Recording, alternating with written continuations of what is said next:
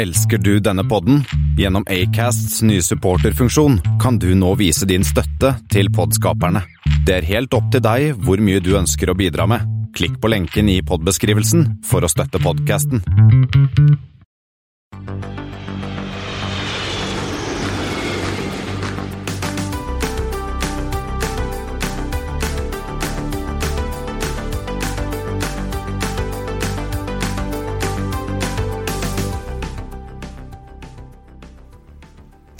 Hei og velkommen om bord på Flypoddens flight 130. Denne gangen starter vi med en liten tur med Hercules. Vi skal innom Wizz Air som vokser, SAS har fått penger, og konkurshjørnet er åpent på en måte. Og så skal vi tilbake til Bodø en tur, selvfølgelig. Og um, til vanlig så hører du da meg, Kristian Kamhaug, og Espen Næss. og Og Yngve Angvik. Yngve, som har vært en tur i Tromsø. Jeg har vært i Tromsø. Og uh, siden det er vi er på uh, flight 130, så er vi jo på sikkert eh, C130 Hercules også. Og den så jeg faktisk ta av rett før oss på veien opp til Tromsø. Så det var jo hyggelig. Men ikke med sånne Yato-raketter. Nei Det hadde du merka. Ja. Eh, og Yato det er sånn jet assisted takeoff. Men det er egentlig sånn en, en, Vi legger selvfølgelig ut et lite klipp her fra disse um, Hva heter det? Blue Angels? Er ikke det det, Espen? Espen? Jo, ta oppvisningsteamet til US Marines eller Air Force? Marines? Ja, de, ja. Air Force er det vel. Og de har en eh, Hercules som kalles Fat Albert. Og den uh, er det noen som har filmet han tar av med sånne raketter, og det ser jo helt uh, Helt uh, sjukt ut. Men altså, C130 Jeg vet ikke om dere har flytende, gutter? Nei, ikke jeg. Nei. Har du? Nei. Nei. Jeg har fløyet den to ganger. Eh, Første gangen så fløy jeg mens jeg var eh, vernepliktig soldat. Fra Os Gardermoen til Trondheim og videre fra Trondheim til Andøya og Andøya til Bardufoss. Det var åtte timer. Norsk innenriks. Det Komfortabelt? tok sin tid. Hæ?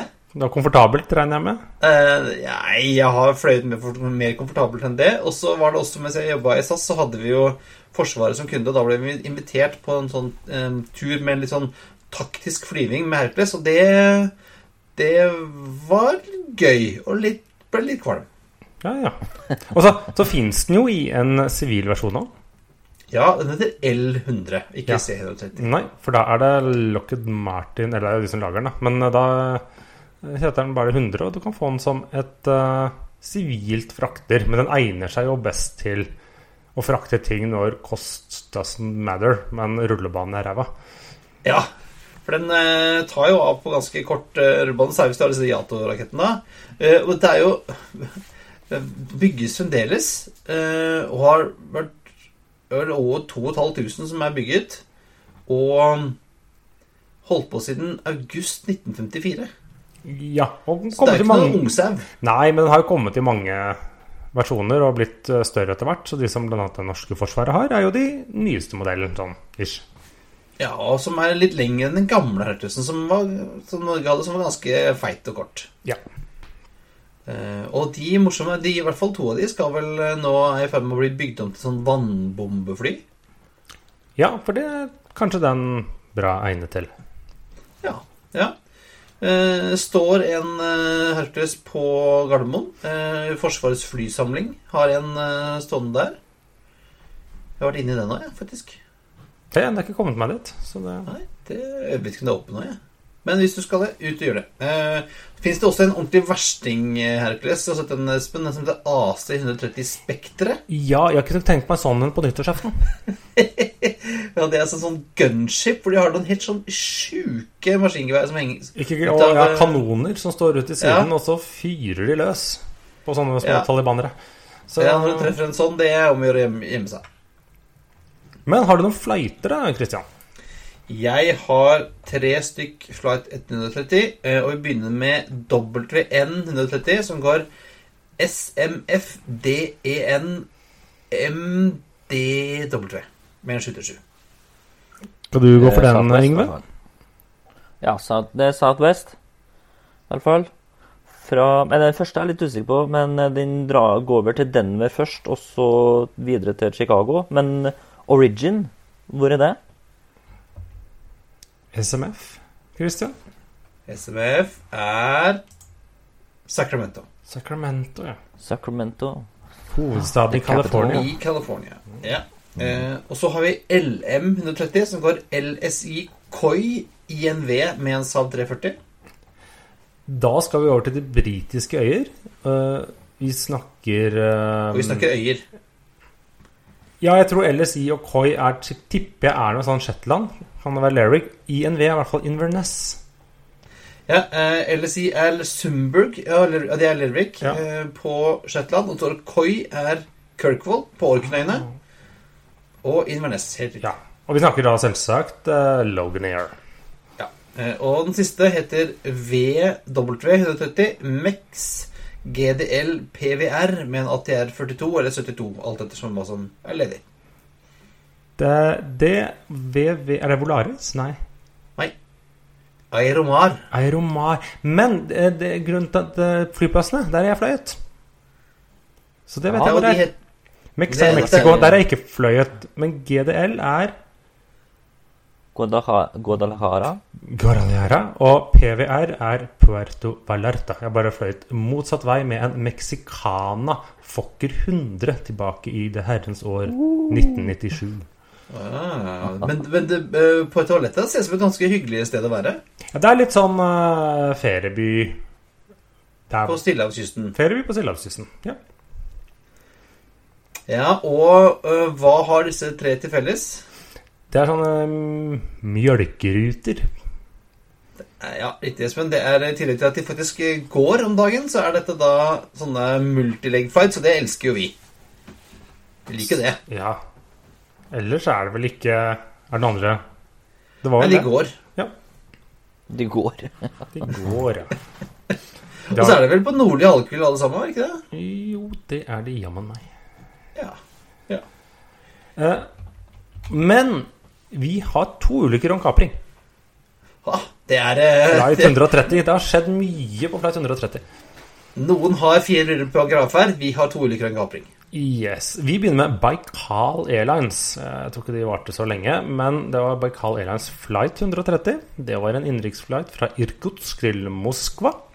Som i 1994, de, ja, litt før avgang, så sleit de litt med å få start på motorene. På denne Tuplev 154. Det er jo den der store tremotors liksom uh, 727 Nei, jo, 727-varianten, som bl.a. Aeroflot brukte på eh, Oslo i mange år de sleit litt, så de starta og starta og starta, og så til slutt så starta motoren. Så tok de av. Men det som skjedde, var jo at den starteren fortsatte å gå. Eh, så den gikk og gikk og gikk, så når den kom til 40 000 rev, revenue Nei, RPMs, R- da ja, Ja. omdreininger i minuttet. 40 000. Da gikk hele åt skogen, og disken, si, hele motoren nærmest eksploderte. Så det var litt uh, dumt. Så da ble flyet ukontrollerbart. De klarte vel å fly videre i det var det et par minutter, Uh, før de i 510 km endte i en uh, gård utenfor Irkutsk. 15 km utenfor Irkutsk. Og 124 passasjerer og 19 crew omkom, dessverre. Og vi fortsetter med, med Tupolever. Ja, vi skal til Tupolev 134. Det er ikke så lenge vi kan snakke om. Eh, men eh, Aviogenex flight 130 Det var en charterflight fra Gatwick til Rijeka i Kroatia. Den gangen Eller, eh, eller uh, Jugoslavia, som det het den gangen. eller For dette her var tilbake den i so- 71. ja, Socialist Federal Republic of Jugoslavia, 1971. Uh, det som skjedde da, var at under landing så var det en strukturfeil. Den landa vel ganske hardt, tror jeg. Det var, dette var britiske turister som skulle på eh, ferie til Rekia. Og eh, ja, eh, tok av egentlig som normalt. Den var under landing. Så krasjet den hardt ned og tok fyr, eller brakk opp, eller hva skal si. Slik at det var såpass hardt, så av eh, 76 crew og, Nei, unnskyld. 76 passasjerer og 7 crew, så var det bare fem som overlevde. For det her var noe eh, dårlig vær og noe regn og sånn, var det ikke det som eh, var også? Ja, det stemmer. Så det var rett og slett en, eh, en hard landing etterfulgt av en brann og da røyk som da tok livet av passasjerene. Så mange var funnet døde med setebeltene på. Og så har vi en kapring. En kapring på hjemmebane, eller nei, nå er det ikke hjemmebane, da, men nesten. Scandinavian Airlines System Flight 130. Eller SAS, som vi kaller det. Av, eh, var ikke den som ble kapra av eh, noe Ja Kroater eller noe sånt? Det stemmer. Og det var jo en SAS-kapring i Norge for noen år tilbake, men det var vel en eh, bosnier. Men det var noen kroater. Det var i Sverige. Den gangen så gikk SAS Flight 130 fra Torslanda Airport, som nå er jo nedlagt, til Arlanda. Så dette var i 1972. En eh, DC921, eller DC9 Sport, som den kalles. Å, den er fin, den er fin, den er fin. Den ble kapret av to kroatiske nasjonalister. Eh, og endte opp da på Bultofta Airport i Malmö, den gamle flyplassen i Malmö. Som heller ikke finnes lenger. Som heller ikke finnes lenger. Eh, Om bord så var det fire crew og 86 passasjerer. Da det var inkludert eh, eh, kaprerne. Så når de landet da i eh, Malmö, så ja, begynte de å forhandle, og de forlangte at eh, deres venner, som var en sju stykker eller en håndfull stykker, som satt i svenske fengsler for å ha stelt litt ugagn på den jugoslaviske ambassaden et par år i forveien skulle løslates. Og svenskene begynte jo å forhandle. Og dialog eh, og sånne ting. Så gradvis så ble jo noen passasjerer sluppet av. Noen fanger ble sluppet fri eller sendt, av, sendt fra Stockholm eller hvor de satt i fengsel. Med en DC3 blant annet, og helikoptre ut til Bulltofta, hvor de fikk komme om bord, og noen gisler gikk fra. Og til slutt så ga de dem masse penger. Eller de klarte å forhandle seg til penger. Fylte opp tankene. Og alle gislene unntatt crewet hadde da fått uh, kommet seg av gårde. Og fløy til uh, Madrid. Eh, jeg er ikke sikker på om de hadde forhandlet i dag. Det var litt sånn svenskene, For da, da var det jo mye kapringer, og da, den München-katastrofen hadde nettopp vært, så svenskene var liksom mest opptatt av at det ikke skulle skje på svensk jord. Og kanskje greit at flyet kom seg av gårde til Spania eller et eller annet sånt noe. Eh, fløy til Spania. Eh, og der så sto hele kostebinderiet klar, så da bare overga de seg. Ok, Så, span så spanjolene fikk det problemet som svenskene slapp, da. Ja, men jeg tror spanjolen var sa så litt stygt på dem, eller noe sånt, noe hele Guardia Civil, eller hva nå det var. Ja, De var vel litt skumle, kanskje enn svenskene. Ja, jeg tror de bruk, bruker bruk, bruk- litt batongen sin eh, litt uh, heftigere enn disse her. Men det gjorde også at uh, svenskene fikk en sånn der terrorismelov uh, gjennomført. For at dette, jeg tror ikke det, det var litt pinlig for dem. Inntrykket. Ja, men, 100, men Flight 130 den finnes fremdeles, eh, Espen. Den fins fremdeles, og den går Eller gikk, ja, den går sikkert iblant. Mellom da Den går faktisk. Men den går nå fra Malmö til Arlanda. Ja. Det var litt rart. Den pleier liksom å Var det ikke så alvorlig, da? Nei, det, det var jo ikke så alvorlig for selskapet. Det var litt pinlig for Sverige, men uh, ellers det så var det ja. Ja, nei. Bra. Skal vi da bevege oss fra 70-tallet til eh, 2020, gutter, og sett på hva som har skjedd siste uka? For det har jo vært en spennende uke. ja, men hva, eh, da kan jo kanskje Yngve ta Hva er det som skjer hver uke i 2020, Yngve? Eh, Det er jo noe Wizz-opplegg. Det er vel en ukentlig eh, begivenhet eh, nå om dagen. Og, og forrige uke så lanserte eh, Wizz-sjefen eh, sju nye innenriksruter, i tillegg til de tre som ble lansert eh, tidligere. Det er Trondheim-Stavanger én gang daglig, Trondheim-Bodø én gang daglig, Trondheim-Tromsø én gang daglig, og så Tromsø-Bodø. Interessant. Én daglig avgang. Tromsø-Stavanger tre ukentlige. Oslo-Ålesund én daglig avgang. Og Oslo-Bodø én daglig avgang. Altså rett og slett en base i Trondheim. Jeg, jeg så ikke helt den komme at de skulle begynne å fly norske regionalruter. Nei, altså Vi kan jo høre på hva Josef har å si, da. For vi, vi var jo på pressekonferansen. Ja, den var jo på nettet, så den var ikke så vanskelig å komme. vi var på den. Ødelegger du, ødelegger du illusjonen, Espen?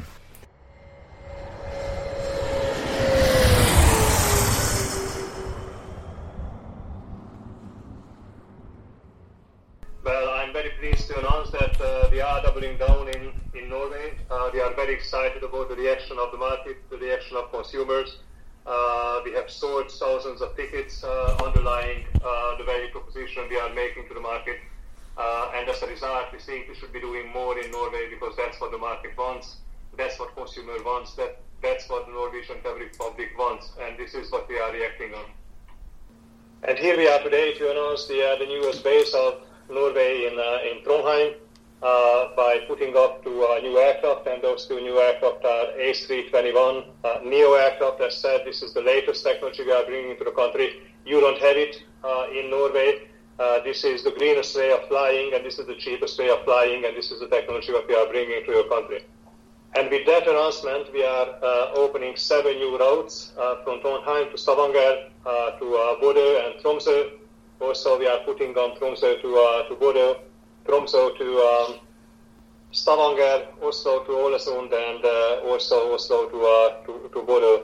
Uh, we are very pleased with this expansion. Uh, this is topping the four um, initial routes we, we opened domestically, and now we are having a total of 11 uh, domestic routes uh, flown in, uh, in Norway. these operations will start on the 17th of December. most of these services will be daily services, but obviously uh, we're going to be um, uh, watching demand and depending on depending on how demand ramps up, we, are going to be following through with, uh, with, with capacity. Um, we have an interest to, to best serve the market as consumers demand our services, and we would follow it up with, with further capacity programs should it be required by consumers. Uh, we have very attractive fares to the market, um, um, 99 crowns, Norwegian crowns, which uh, we believe is a highly attractive fare.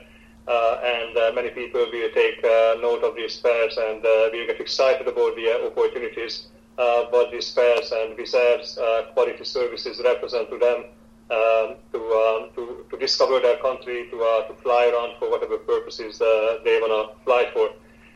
with that, I think we, we are just demonstrating our commitment uh, to your country. Uh, we keep uh, further investing. we are bringing more jobs to the um, to the country. We are creating more economic development.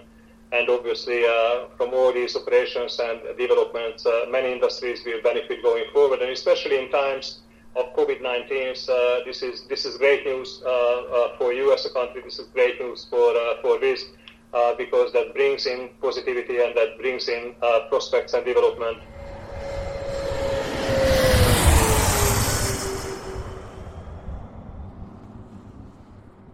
Nei, og det Jeg, jeg syns jo det er interessant at de kjører uh, hardt på uh, Trondheim. Uh, og Bergen, egentlig.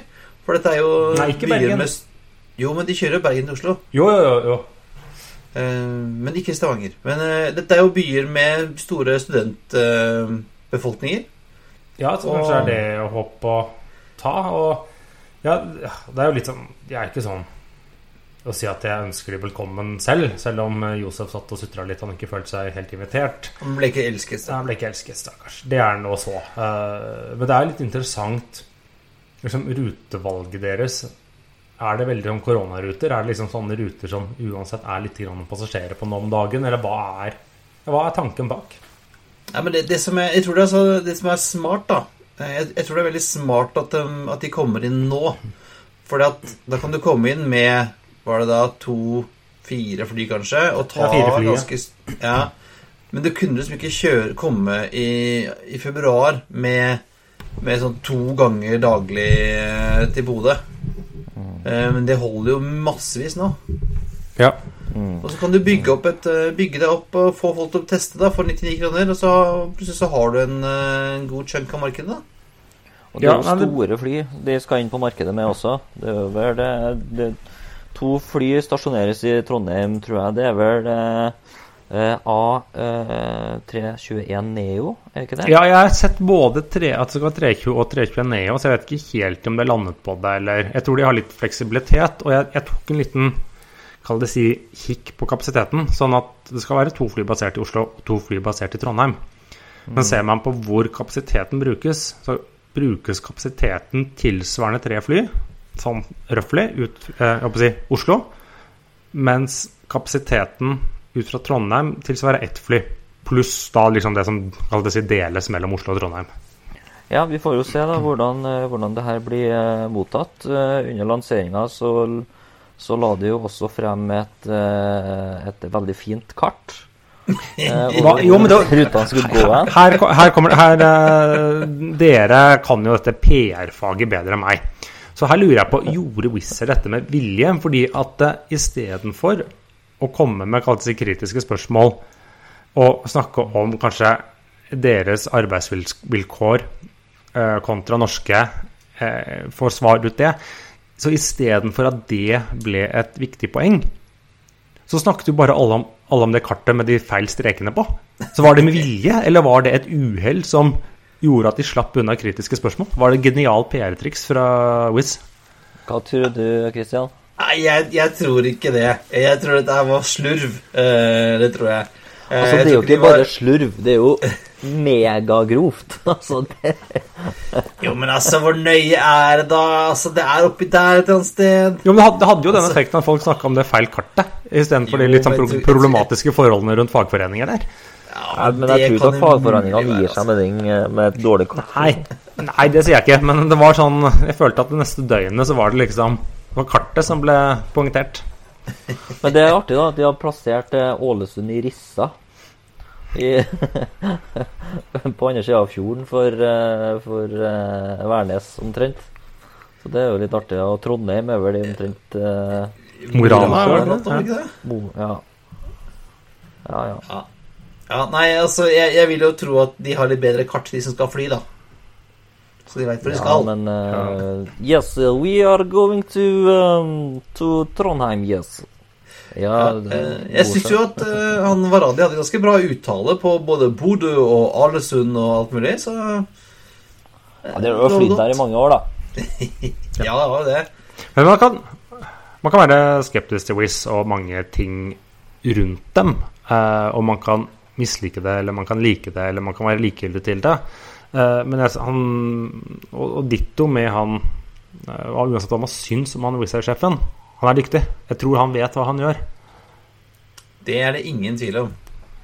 Uh, og jeg tror nok uh, at uh, Wizz var, var de som kom først inn. Men jeg, jeg ganske overbevist om at Ryanair og kanskje også EasyJet har vært og regna på hvordan det skal eh, funke. Kanskje ikke Easy, men i hvert fall Ryanair har Ja, regna de på det. steder EasyJet regna på tidligere, men EasyJet har sine eh, problemer litt sted. De forsøkte jo å hoppe inn i Tyskland etter eh, Air Berlin og brant seg så det svei. Ja, for det, det er altså Jeg mener jo å ta en god plass til tre aktører, i hvert fall på de store strekningene. Jeg er litt, jeg er litt mer skeptisk til sånne Tromsø-Stavanger-greier. Men det kan hende at det er som bare Men de er jo alene. Ja, men altså, det er jo en grunn til det. Ja. Hvor mange er som skal fly Tromsø-Stavanger og tre ganger i uka? Altså, det, da vil det bedre å fly, direkte, fly via Oslo. Kan Men du sitte, ja, ja. altså Få se. Men Bodø-Tromsø er interessant. En, til en lav pris der sånn. Ja. Men det kan jo hende Men, at det er eh, noen noe, noe siddiser som eh, er Ja, for- sultefòra på, på snø. De vil jo kanskje ta turen nordover, jeg vet ikke. Men det er den eneste Stavanger-ruta. For Oslo-Stavanger, der er du jo ikke med. Nei, og de holder seg også unna f.eks. Tromsø-Bergen, hvor da Widerøe har et ekstremt godt grep med ganske mange daglige avganger etter hvert. Ja, ja. Eh, Stavanger kan jo være at de holder seg unna fordi at det er der er det bare businesstrafikk, omtrent. Eh, Og de har avtaler, og nå, sist nå Finansforbundet var ute og boikotta òg. Ja, da er det noen forbund som ikke har vært ute og boikotta. Og, og sammen med Wizz de fins jo For en del bedrifter kan jo uansett ikke bestille hos dem, i og med at det ikke fins gjennom disse reisebyråportalene. Ja. Men vi så jo NHO luftfartsjefen var ute og tok dem litt i forsvar, gjorde han ikke det? Jo, eh, de var eh, overraskende positive. Eller vel jeg nesten skulle tro at de var nøytrale, eller sagt at liksom, oi, her kommer det en konkurrent til våre, våre si, selskaper. For NHO Luftfart representerer jo SAS og Norwegian. Ikke de ansatte i SAS og Norwegian, men SAS og Norwegian. Ja, Interesting det times. Vi skal jo-. Vi skal ut og fly med dem, vi. På hvert fall eh, du og jeg, Espen. Ja, vi eh, skal eh, fra et journalistisk synspunkt, hvis vi kan kalle det det, eller et faglig synspunkt, dekke det. Ja, vi, Dette er kun fordi vi skal grave. Ja. Ja, Dere har ikke tenkt å, å fly det der til daglig, eller? Jeg må vel innrømme at eh, det er ikke sikkert det blir noe comeback, men eh, jeg føler at når man driver en luftfarts... eh, jeg kan ikke si blogg, en podkast, så må man faktisk være til stede på historiske hendelser når ting skjer. Og så kan man enten man er kjempefan eller litt mer avmålt. Da kan vi i hvert fall Det er litt som, som jeg sier til barna mine. Kan ikke si du ikke liker det før du har smakt på det. Så nå skal vi teste. Skal vi teste. Men ja, Vi skal hjem igjen. Vi skal hjem Vi igjen. skal hjem igjen, fordi at vi, noen har jo betalt penger men de blant annet vi skal hjemme. Eh, SAS er klar med både emisjonen og den finansielle restruktureringen. Og emisjonen hva skal jeg si, den ble jo vellykket, men de fikk ikke inn alle pengene i det private markedet de hadde håpet. Slik Selv at om du og jeg kjøpte aksjer, Espen. ja, vi har kjøpt aksjer, vi har ikke fått det ennå, så det blir spennende å se om det blir noen gevinst eller tap eh, på dette her. Eh, Men eh, ja, vi får se. Jeg skal rapportere. Jeg er helt åpen på at jeg har kjøpt eh, aksjer i SAS. Og jeg kanskje Får du dumpe de. jeg, jeg, jeg kan jo ikke dumpe det ennå. Jeg har ikke helt Jeg har nok ikke ikke tenkt å sitte på det til evig tid. Men enden på visa ble jo da at SAS og Danmark endte opp med en eierandel på nesten 22% 21,8% hver etter emisjonen. Så man kan si mye om det norske salget, om det var dårlig timing eller noe, men da mens Norge i hvert fall fikk noen hundre millioner for sine aksjer, har nå da Sverige og Danmark endt opp med å betale ganske mange milliarder for sine aksjer, og fått enda flere. Ja, Svenskene var ute med 2,5 milliard svenske, og danskene med 3,5 milliard. Nei, ja, det var ikke det var i tillegg, fordi at de også Ah, utstedt eh, Kall det si hybridkapital. Eh, I bøkene så regnes det som egenkapital, men det er ikke aksjer i den forstand. Men så kan man alltid Er dette egenkapital, eller er det gjeld, eller er det hva jeg kaller lurekapital? Lurekapital. Hva, det lurekapital, Nei, det er jo litt sånn Det er på en måte penger de har lånt, og penger de på en måte skal tilbake, men så regnes det ikke som gjeld. Men SAS må jo betale litt for den. eh, Sånn at i tillegg til liksom emisjonen, så har de hostet opp det. Og så har man eh, utstedt nye aksjer da for en del milliarder. eh, Og 2,5 milliard i eksisterende obligasjonsgjeld har blitt gjort om til egenkapital. Slik at da i bøkene til SAS så har de fått inn 12 milliarder svenske kroner i cash. Mens balansen deres, eller egenkapitalen, har bedret seg med 14,5 milliarder Ja, kroner. Mm. Så da, da er de reddet for nå. Og så i Ja. den store egentlig, Hva er spørsmålet nå, eller hva skjer? Eh, Så er spørsmålet hva kommer først? En massevaksinasjon av befolkningen i Europa eller verden? Eller neste emisjon? Så, de, de, men dette kan de leve ganske lenge på. Altså, det, det er jeg overbevist om. Men uh, Ja, 14 milliarder er det en 14 dagers tid, er det ikke det? ja, sånn pluss minus. Ja. Ja, og mens SAS da Hva, er det 14, hva sa vi? 14 milliarder? Ja. Så har Atlantic Airways ute på Færøyene fått eh, 100 millioner danske, danske penger. Men det er vel 150 millioner norske omtrent snart? Det er Ja, det er 130? Ja, Det er ganske mye. Ja. Eh, De har da fått fra sin eier, som er det det Færøyenes landsstyre. Ja, for det er jo liksom viktig eh, kritisk infrastruktur der ute. De frakter jo folk til og fra, og ikke minst turister og næringsliv. For det er jo en øy. Halvselvstendig øystat. Ja, eh, og de prøver også da å sende tilbake en, den nye Airbus A320 Neon som de fikk i, i juni. Fordi at eh, de har jo ikke ja, det, det, det er, De har jo ikke akkurat eh, sysselsetting for disse alle flyene sine om dagen. Nei. Atlantic har jo også fløyet mye charter og litt sånn adhoc og sånn, men det er jo heller ingenting av.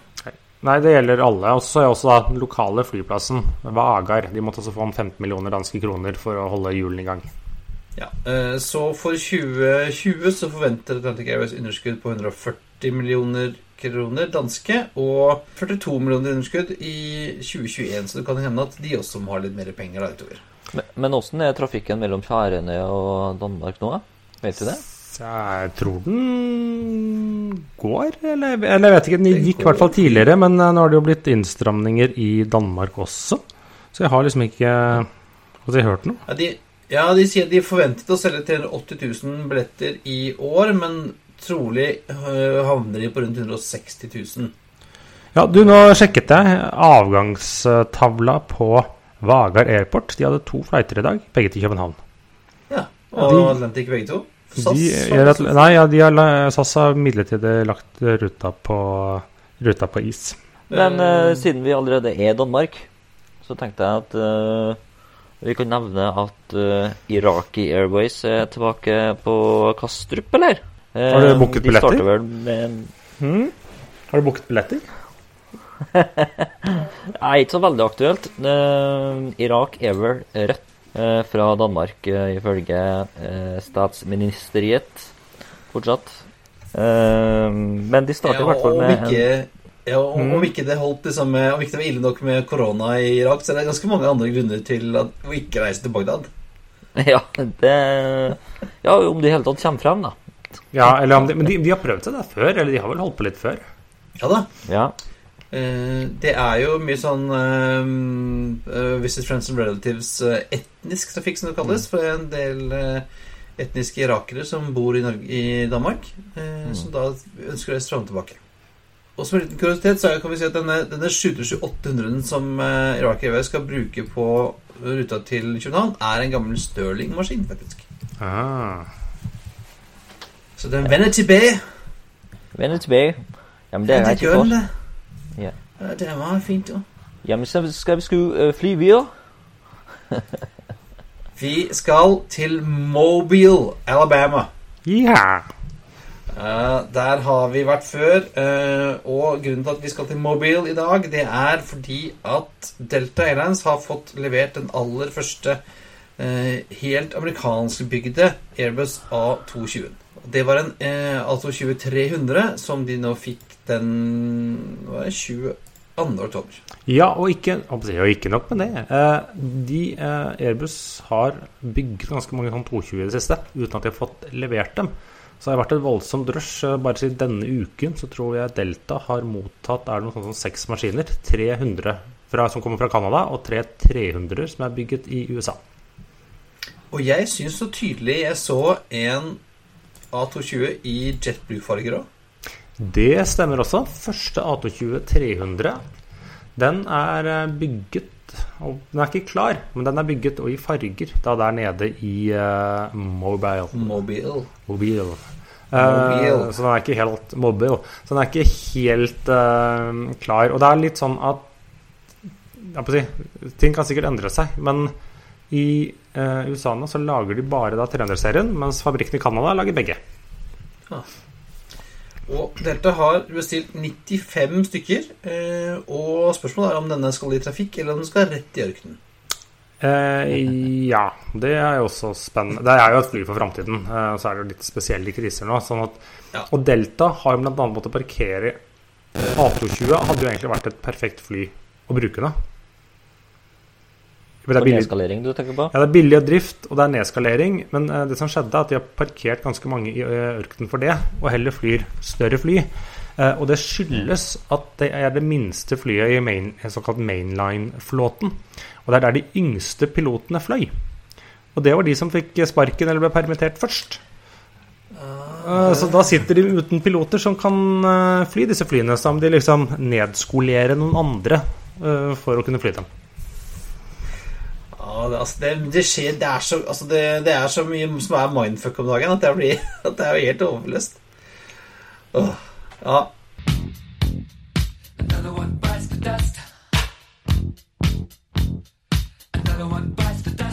Men Espen, det som ikke er eh, rart, er at konkurshjørnet er åpent. Nei, eh, og dette er vel en Ja, nærmest Hva skal jeg si En nedleggelse. Eh, men ja, man kan jo kalle det en konkurs. Det er da Cathay Dragon. Eh, de var tidligere kjent som Dragonair, som var et sånt Ja, hva skal jeg si Ikke lavprisselskap heller, men en underbruk av Cathay Pacific, som de brukte på litt mer low yield-ruter, og spesielt mainland mye mellom mainland i Kina og Hongkong. Ikke Cathay fløy også der selv også, men de hadde et veldig stort nettverk. eh, men var veldig tett integrert. Eh, tidligere het det som sagt uh, Dragoner og hadde litt mer sånn egen uh, identitet. Og så ble de rebranda til Cathay Dragon eh, for noen år tilbake, og liksom fikk samme fargene på flyet Eller samme logo som Cathay, bare at den var rød med sånn hvit svosj, mens Cathay er jo grønn med en hvit svosj. Yes. Eh, de fløy bl.a. A321 eh, Nei, de hadde A321 i ordre. A321 Neo. De havner vel nå trolig hos Cathay Pacific. Og ellers så var de en stor eh, operatør av A330-300. Som de brukte med relativt mange seter mellom da Hongkong og Kina. Også 321 og Airbus A320. De siste Jeg husker årene. jo faktisk helt tilbake når eh, Dragon Air ble grunnlagt, tilbake 35 år siden, Espen.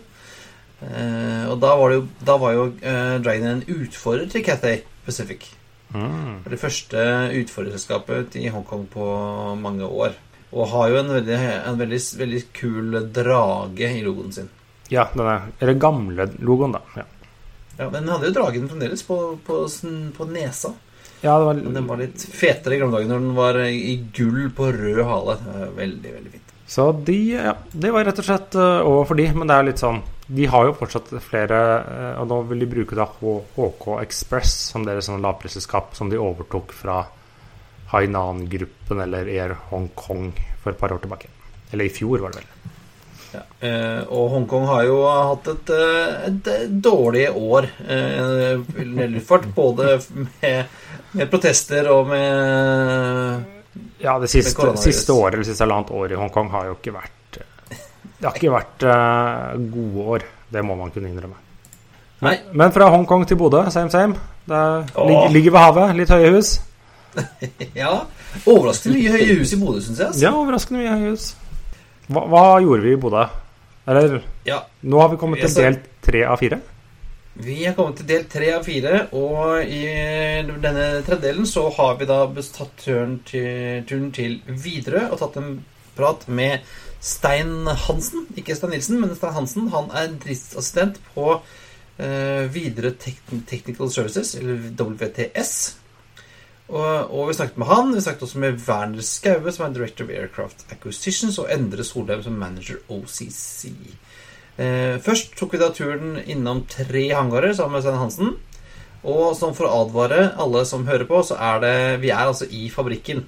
Det er uh, Særlig i hangar 1 så er det en del bakgrunnsstøy. Det er både musikk og det er eh, ver- verktøy og, og greier. Så det er litt Ja, vi, vi kunne jo ikke men- be de stoppe med ikke fly fordi at vi skulle stå der og prate. Nei, uh, un unnskyld, unnskyld, kan dere være litt stille? For vi skal ha Vi prøver å spille en podkast her, nemlig. Så hvis dere kan være stille, så er det veldig fint.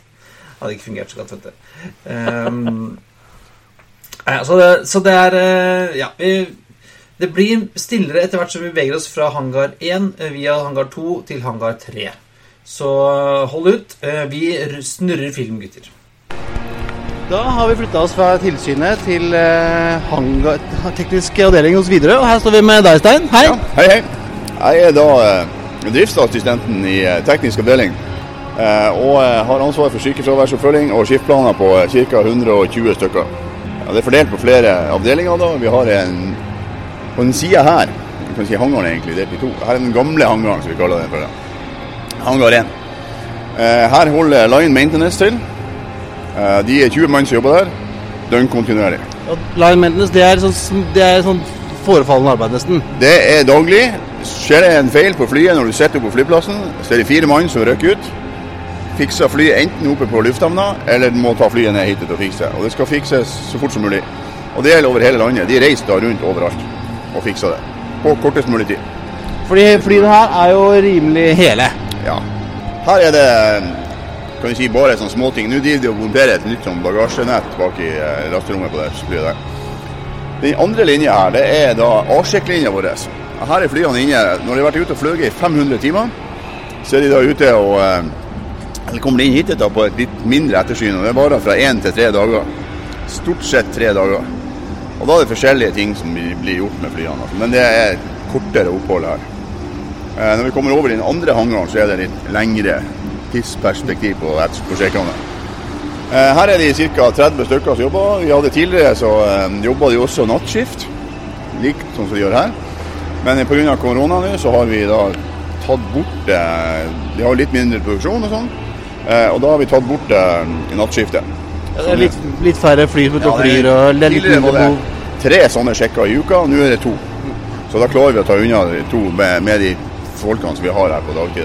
og ettermiddagstid. Eh, når det gjelder andre linjer, så jobber de også dag og ettermiddag, men det er litt, litt, litt sånn forskjellig der. Eh, vi har da eh, han som er ettersynsleder, han sitter inne i, på et kontor inne der borte. eh, og styrer da, har full kontroll på sjekken og har sine folk ute som gjør forskjellige arbeidsoppgaver. Og det er da flyteknikere, det er flymekanikere, og det er lærlinger. Hva er forskjellen på en flytekniker og en flymekaniker? En uh, flytekniker er en som har gått et uh, åtte ukers spesialiseringskurs med der påfølgende jobbtrening. Uh, og eh, Da er du spesialist på selve flytypen. Altså. Ja, det er det som er forskjellen på det. Så har du jo, For å kunne bli tekniker, så må du ha eh, en viss erfaring og jobba så og så mange år som mekaniker. Da. Ja, litt sånn forskjellig. Og Nei, og så eh, da er det eh, faste oppgaver de gjør, og det er liksom de rullerer på litt forskjellig sånn her. Hvor lenge er flyene inne når de er på denne sjekken? Én til tre dager. Ja, og det varierer. Vi har, eh, vi har eh, Det heter A-sjekk, da. Eh, og der har vi noe som heter 5A også. Hver femte gang så er det inne, og da er det litt lengre. For det her varierer. Det er en ja, fra 200-300 timer står det inne og blir skutt på. Og en, en femårssjekk den er på 1000 timer. Kanskje mer. Og da står den i en hel uke, og da er det full fres hele tida og jobbing. Og så får vi ferdig. Men Vi nevnte at det var litt mindre aktivitet pga. korona. Er det sånn at dere har litt tid til å gjøre litt større ting også nå? Eh, ja, altså, vi gjør det vedlikeholdet som eh, flyeierne bestiller hos oss. Til vanlig så har vi drift i tre linjer. Én A-sjekklinje og to C-sjekklinjer. Eh, men nå har vi faktisk hatt drift av både fem og seks linjer, for det har vært forskjellige ting. Og da nå når vi flyr litt mindre, så er flyene parkert litt lenger. Og da har vi mulighet for å gjøre litt sånn her ekstra arbeid. I utgangspunktet er vi ikke dimensjonert for mer enn tre linjer, men vi, vi får det til. altså. Det, er- det er liksom holdninga. Stå-på-viljen i Widerøe. Ja. Så nei, sånn har det alltid vært. Det er en, eh, i mine øyne da, en fantastisk arbeidsplass å være på. Jeg jobber her i 33 år, eh, og helt, helt suveren arbeidsplass. Og jeg eh, er jo litt overrasket over at det er, hver gang jeg er i en hangar, så er det, det er så reint. Ja, men det er en av de viktigste tingene. Det er at du skal holde rent rundt der som du jobber, arbeidsplassen din. Det skal være rent og ryddig. Eh, og det er ingen andre som kommer til å plukke opp noe etter deg når vi er ferdig. Det er en del av arbeidsoppgaven. Det er å holde ryddig og rent. Du skal ha kontroll på eh, det du holder på Ja. For det er ikke som et bilverksted, for her liksom, det er jo ikke olje på gulvet, og, og det er jo ting ligger i hyller, og det er, ikke- det er ordentlig kontroll på Ja, ting. ja, ja. Her er det full kontroll på alt. Når det gjelder oljesøl og sånn her, så er vi veldig sånn eh, på det. For det, kan, det er jo HMS-skader. da. Vi har folk som har sklidd på oljeflekker, og det er blitt eh, innskjerpa. Sånn at flyet kommer inn til sjekk, blir det vaska, da står det her. Blir det vaska her. Eh, Etterpå så kjører de med den grå maskinen en vaskemaskin. Suger opp alt vannet som er her. Det gjorde de bare en time eller to før dere kom. Sånn at det ikke ligger noe igjen. Og ligger det noe på gulvet som er olje, eller sånn så er det filler med en gang å tørke opp på. Det skal være helt Det skal være kjemperent, altså. Rent og ryddig. Det er en av fokusområdene. Men så er det jo sikkerheten fremfor alt. Ja. Uansett så er det sikkerheten. Og her er det jo sånn sånn at de skifter en liten skru, så er det Da må de kvittere for det og si ned for det, og hvorfor, og finne ut hvor det Ja, kom, dok dokumentasjon på hvor det er maintenance-manualen hvor det skal ja, være. vi kommer jo fra Luftfartstilsynet akkurat nå. Der har de jo eh, kontroll på ting der òg. Ja, der har de kontroll. De er ofte her og sjekker oss. Kommer de på sånn random sjekk, og noen ganger kommer de bare gående inn med ja, hjemme ID-kortet sånn her, og, og sjekker for å se om folk er observante. Altså, sånn, hvis det er kommet en inn der nå uten kort nå, så har jeg måttet gå kort. Eh, Hvem er du? Har du ID-kort? Hvis ikke, så må du bevise dem bort. Og gjør du ikke det, så får du eh, Får du en liten påpakning. Ja. Men de er ofte her og sjekker også at vi har eh, alt på stell. Altså. Både dokumentasjon og ja. Vi følger de prosedyrer og rutiner som er. Det, Norge er jo veldig strengt. Men det kan vi være veldig glad for. Men eh, hvordan er det nå? Er det sånn at vi, dere bare gjør uh, vedlikehold på egne maskiner, eller gjør dere noe annet òg? Ja. Nei, vi gjør eh, Vi har jo litt sånn fremmedarbeid. Men eh, det blir liksom litt for SAS og Norwegian. Men det blir mest på sånn AOG, da. Aircraft on ground-basis. Altså Hvis det er behov her i Bodø, så har de ikke egne teknikere her. Så har vi personell her som har de flytypekursene til eh, de flytypene, som da kan røkke ut og hjelpe de. Eh, Men ellers så er det kun Widerøe sine flytyper her. Eh, Nå har vi også bestemt at vi skal ta hjem de flyene som vi har sendt til Nederland før, til Samco. Det skal vi ta hjem hit igjen i ny. Altså, ha i produksjonslinje fire. ja, for det er en ny hangar på vei? Ja, ja den er ferdig. Den står der borte. Vi kan gå bort og se på den. Der er det da meninga at vi skal ta de sjekkene hjem og vi skal gjøre det her sjøl. Men det krever litt, og vi må ansette litt flere folk for å få det til å gå rundt. Så det, Ja, det, det er hyggelig, da. Ja, det blir veldig bra. Hydromekanisk verksted. Eh, Her maskinverkstedet er der. Nettopp kjøpt en ny maskin som fres skal kunne produsere deler. Eh, Den har ikke begynt å bruke, den er under montering. Så du kan lage deres egne Ja, deler? ja. Så det blir kjempebra. Så det er sertifisert for å kunne Ja. lage det? Ikke alt, men eh, Er, veldig mye. er det fordi dere er tvunget til å lage egne deler? Nei, ikke tvunget, men det er mange deler som er veldig vanskelig å få tak i. Ja, nettopp. Ja. Ja. Så, eh, og så er det, hvis du kjøper det ute, også, så er det ja, astronomiske priser. Er det du ser der ute? Ja, det, de som står opp der, det er i sånn legg til flyet. Nei, jeg tenkte det ser Ja, det flyet står utenfor. Ja, nei, det, det, ja, det er et fly som, er, som vi har fått i oppdrag fra eh, leasingselskapet å hugge opp. Det er den ene Ja, det ja tremaskin, ja. ja. Så den er eh, nesten helt ferdig. De har demontert alt av deler, og, og de eierne har de pakka i containere og sendt til, til eh, de som eier flyet. Så kan de selge de delene. Det som er brukbart. Er det noen deler derifra som dere eh, Nei, jeg tror ikke de har eh, De har vel kanskje kjøpt noe, men ikke, Ja, ikke For det er tidligere Widerøe-fly. men som er- Ja, ja, ja. Det er en sånn 50-setter. det er den der BFC VFC. VFC. VFC. Ja, nei, fløy. Så den er ja. Den er historien. Det blir Vinga ord eh, som vi har eh, C-sjekk i. Det er større, større sjekker. Eh, her har flyene vært ute og fløyet i 5000 timer. Kommer de inn, så har de en stor sjekk. Og da- Sjekken varierer fra tre til seks uker. Alt etter hvor stor, stor den er. Det det er ikke noe du piller det helt for hverandre? Ja, ikke helt. Nei. Da er, det, da er vi nede på det som vi kaller for 80K. Sånn life extension. Ja, sånn livsforlengende. Eh, vi kaller det for 80K. 80 000 service.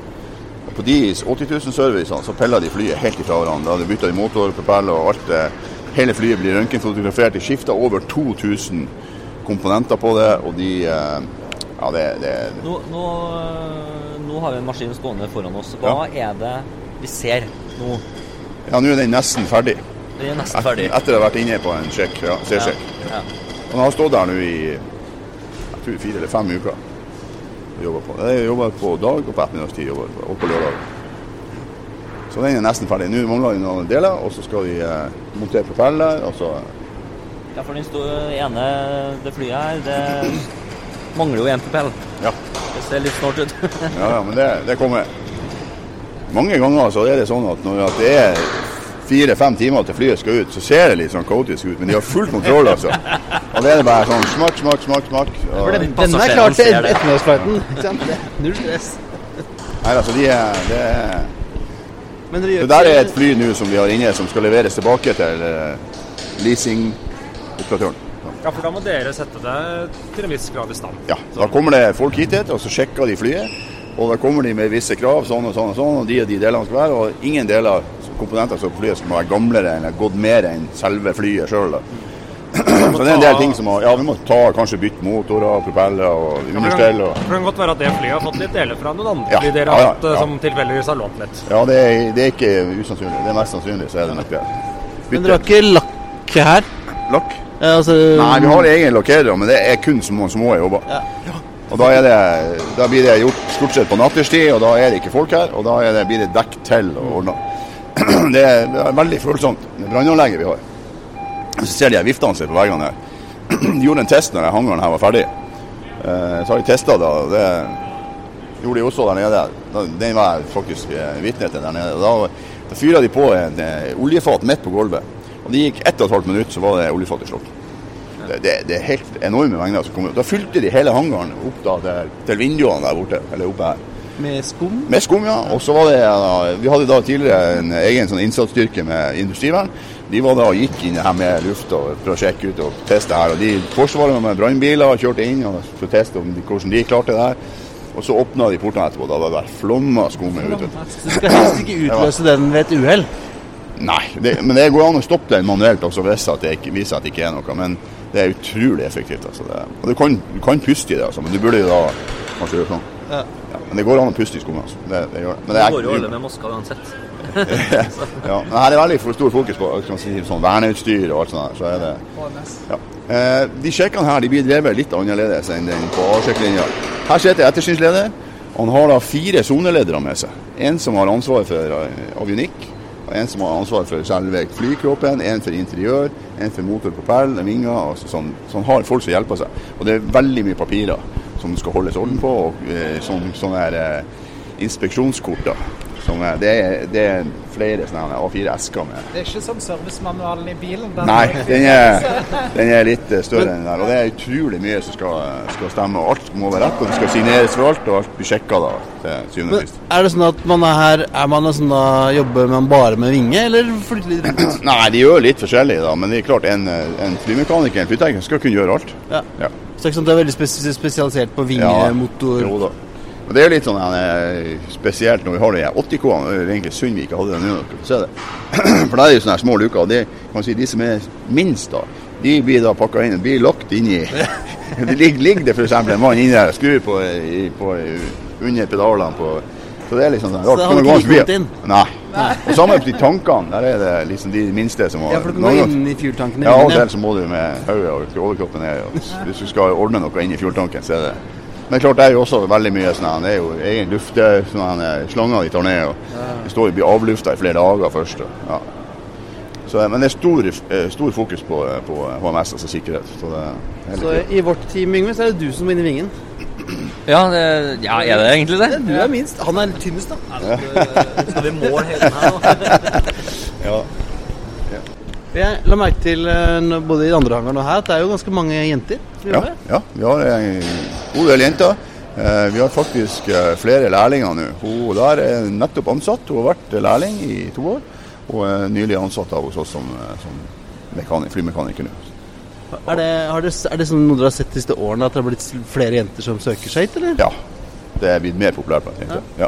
Så vi har hatt flere jenter også som jobber her. Så noen som er gått over i andre ting, og noen har svangerskapspermisjon. og- Så vi, er, vi har jenter som er flyteknikere også. Så eh, nå er de to ute i svangerskapspermisjon akkurat nå.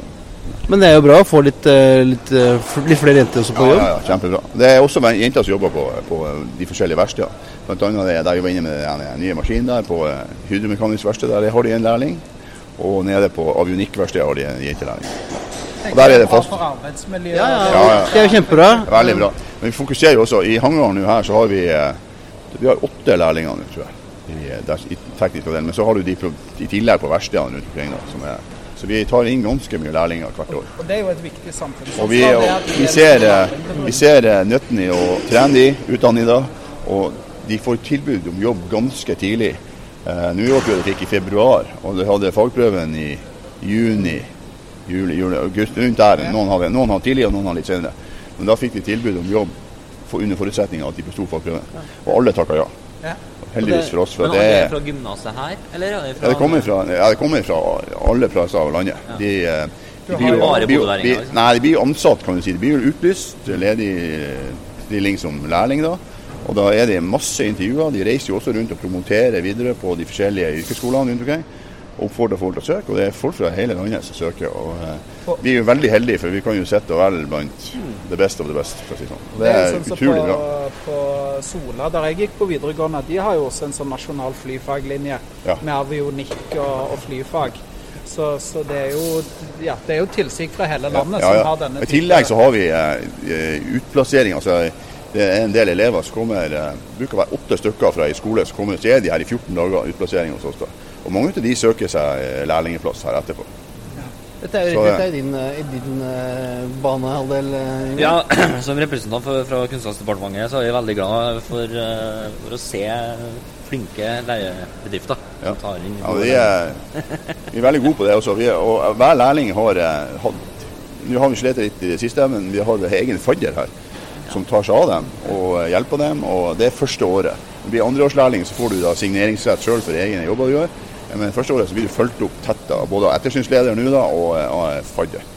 Eh, og I tillegg så er det jevne møter med hun som er, jobber, på, eh, hun jobber på nå på eh, HR-avdelinga.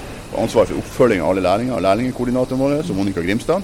Hun har da både de lærlingene som er hos oss i teknisk avdeling, og de som er ute på stasjonene. og ja. Det er jo masse lærlinger i både reiselivsfag Ja, ja, ja, masse, sånn, masse. eh, Ja, og hun har de full kontroll på alle de her og følger de opp. og Det er lærlingesamtaler. Og da er det med folk herfra som er ettersynsledere og flyteknikere som er med på de samtalene og veileder dem. da, og Gir tilbakemeldinger på eh, både positivt og negativt. Så det, er, det er jo mest positivt, for å si det sånn. da. Det er veldig sjelden at det er noe annet. Og det er greit å rekruttere òg? Ja, veldig lett. Det, det er det letteste. Fordi at det er så mange som er interessert i lærlingjobb. Og her, nå er, det, er vi jo inne i en fase også. Det har vært eh, et generasjonsskifte i Widerøe. Og, eh, og vi, eh, vi har ansatt veldig mye unge. Det er veldig ungt miljø her. det legger jeg godt merke til i hallen her nå. Ja, I hangaren her, at det er veldig mye unge folk. Ja, veldig mye Det- Så de som er med masse erfaring, og sånt, det er de som er flyteknikere, og de som er ettersynsledere. Ja. Eh, Det er utrolig mye. Og det kommer folk, og vi har folk ifra, som jobber her som er fra Island, eh, fra England, fra eh, Danmark. Vi hadde, vi hadde, noen svensk, noen svensker også. Og det, det er veldig internasjonalt miljø. Men her går jo det meste på, på, på engelsk. altså. Alt jo jobbmessig går på engelsk. Men det er liksom litt artig det at danskene, når de snakker til meg f.eks., så snakker de dansk. Når de danskene snakker til svenskene, så snakker de engelsk. Ja. Og det er motsatt. da. Og samme svenskene snakker norsk, eller til oss som er norsk, da snakker de norsk. Det er litt sånn. Og så er det noen da som har, har vært innleid personell tidligere fra innleieselskap som vi hadde, som har da truffet fått seg kjæreste her i byen og flytta hit etter og etablert seg med familie. Og her. Det, det er faktisk flere som har gjort. For Det gir jo store ringvirkninger for byen òg, Ja, ja, ja, altså, å ha så Ja, ja, mange ja. arbeidsplasser. Ja, ja. Hvor mange jobber det her på teknisk i Bodø? Altså, I hele VTS er det 300 og, 350 kanskje, noe sånt. Men her er det vel kanskje Jeg er litt usikker på det. Oppimot 200, kanskje. Og nå er vi kommet til hangar 3. Hangar 3, Det er den nyeste hangaren. Det sier vi. Ja. Og her står det et av flyene, så det er veldig mye å jobbe med. Så de modifiserer og, og, og pusser opp. Det er et fly som de har kjøpt brukt. Eh, så de, de, jeg tror de kjøpte det fra Japan. Og dette er en sånn som skal forlenge livsforlengende? Eller er det Nei, det her er bare for å settes i Ah. videre. Dette har aldri vært i drift. Nei. Nei. Nei. Hvor gammel er, hvor gammel er maskinen her? Nei, Jeg er ikke helt sikker på den her, eh, hvor gammel den er. Vi har en annen. Det her er jo eh, betegnelsen X-ray på. Den andre, Ja, whisky, den er jo den kommet i i drift. Den er kommet i drift. Den kom samtidig. Men det tar litt tid, for det er utrolig mye, mye jobb på de her flyene. For man skal jo sette dem til en stand som ja, sånn- vi, vi ja. kan leve med. Og, Videre standard skal det være. Ja. Videre standard. Ja. Ja. ja, det er veldig mye sånn spesielt. Men alt skal være helt tipp topp, ellers så er det ikke jeg, settes ikke de for alt i orden. nei, og ettersom jeg, hvis ikke jeg skriver feil, så har Widerøe selger nesten aldri noen fly, for dere bruker dem opp. Ja. For vi, vi så den her ute som skulle kombineres. Ja. For at de er jo såpass god stand at det er, sånn, det er litt, litt som elbilen min. Den bruker jeg til den er ferdig. Jeg, tror, jeg, tror, jeg vet ikke om det var ei, ei landing igjen på den der, en eller to, eller sånn, på den der som er høyt opp. Altså. Det var brukt opp helt, for å si det sånn. Helt, helt, Men helt dere er også noen sånn livsforlengende jobb som skal gjøres med de også, ikke det? Jo, noen. Nå er, det kommer det vel til neste år én en eller to som skal gjøres en sånn her 80 000 service på. Ja. Så, eh, så da kan den fly videre til 120 000 landinger. Hvor mange år er det? Veldig vanskelig å si, for alle flyvninger blir fordelt på, på eh, hele den flyparken. På. Og det er veldig mye sånne landinger og eh, si, avganger og landinger da, på kortbanenettet. For at det er jo sånne Ja. opp og ned, veldig ha, korte har du flyturer. melkeruta på Finnmarka, så drar du jo på deg en fem-seks søkler sykler bare på én rundtur. sant? Eller Den berømte. VF 930. Ja. er, Jeg har jobba tidligere, så har jeg jobba tolv år med flyfrakt. Så jeg har Ja. eh, jobba mye da med han forgjengeren hans, Ja. Visdal. Yes. Så, så jeg har godt, god kjennskap til det med posten og Ja. frakt. Jeg skal- Vi flyr kanskje ikke så mye post nå lenger som vi gjorde før. ja, men eh, nei, det, det har blitt mindre. men Mer er på bil. Men flyet var allerede malt, eller er allerede malt før dere begynte å sette det i stand. Ja. Ja, så det ble gjort først, før det egentlig var nå blir jo sikkert det her malt i det nye, for nå er det kommet en ny logo igjen. Men her òg ser du jo Det blir malt før det kommer hit. Du ser jo at det er jo unge folk her òg. Ja, ja. Snittalderen er sikkert eh, under 25. Eller noe sånt. Ja, veldig mange folk. jo, På venstresida her sitter noen på noen dataskjermer. Ja. De er jo ikke spesielt uh, gammel. Nei, Det er jo kjempemorsomt. Og her er flere da som er, vi har nå som har eh, vært lærlinger hos oss, som jobber her nå. Som har god kjennskap til flytypen her. Så, det- Jeg teller 13-14 stykker som Ja. driver og løper rundt her nå. Ja. Også, men det som er litt morsomt, selv om det er 13-14 stykker, så er det en veldig sånn rolig og avbalansert Det er atmosfære. Ja, Det, er ingen som stresser, og de vet hva de skal gjøre. og ting, Ja, ja, ja. ting går for seg i veldig ordna former, selv om de er mange. Så det hjelper ikke at han fra Network som skal ha det flydrift, han kan komme ned her og, og mase. Ja, det kan han gjerne gjøre, men det er ingen som hører på han. Nei, det tar den tida det tar. Skal du ha det sånn, eller skal du ha motoren på først?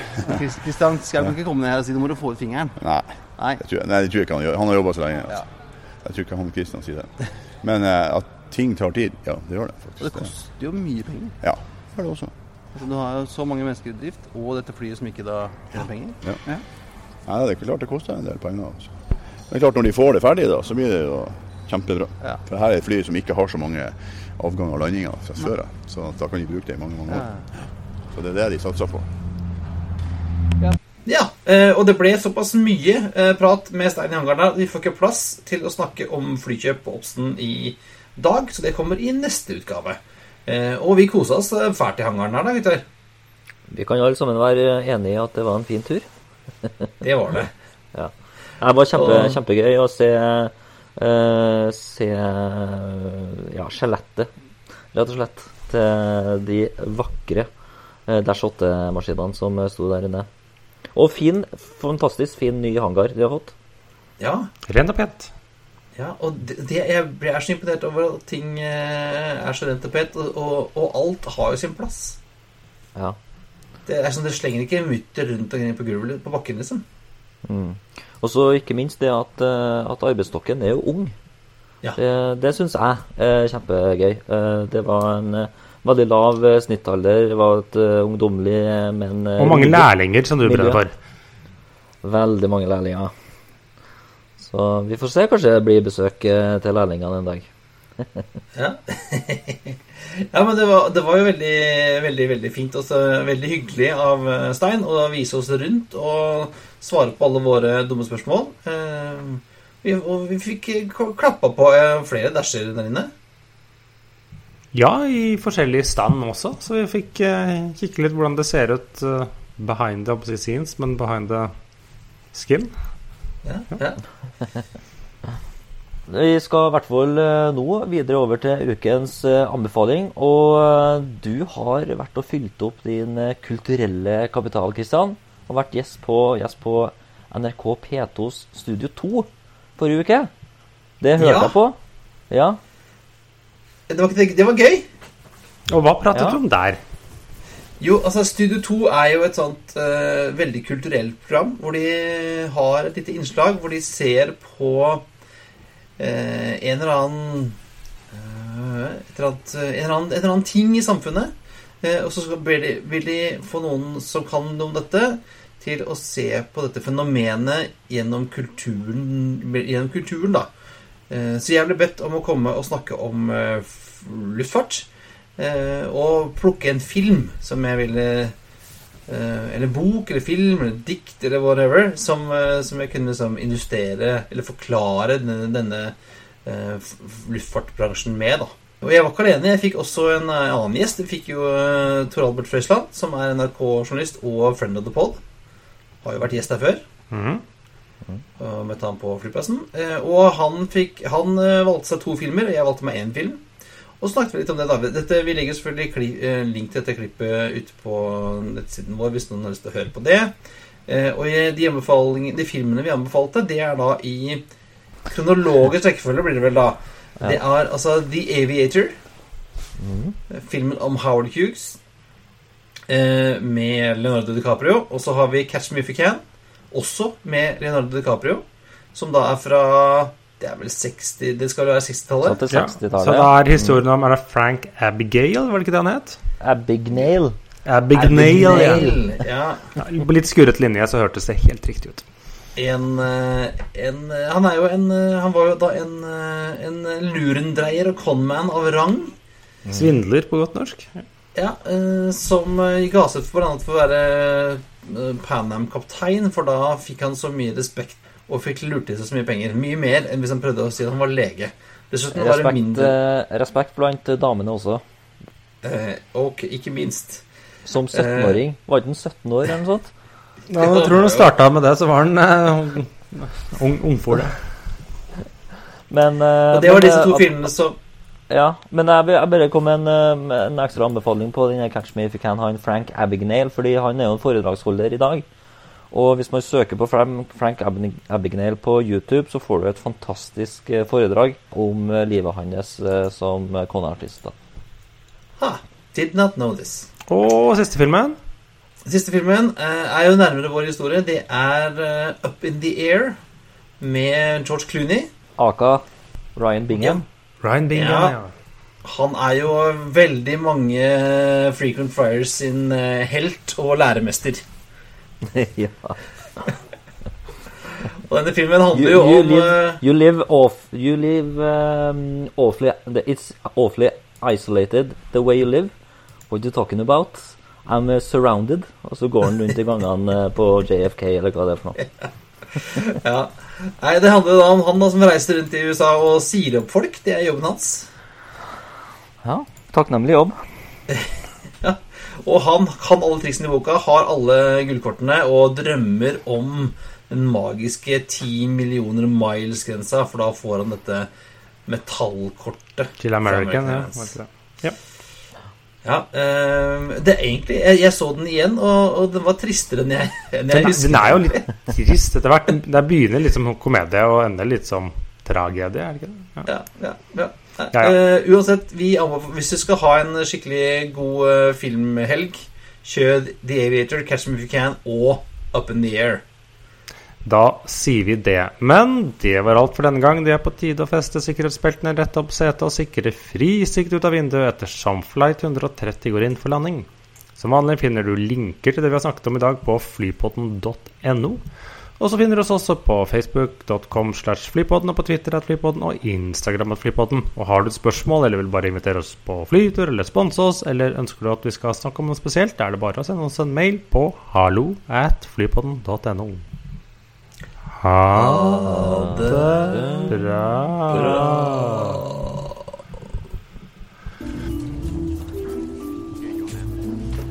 Bingo.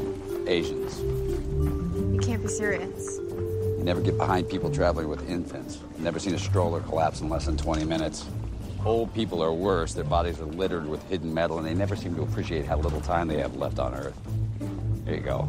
Five words, randomly selected for additional screening. Asians.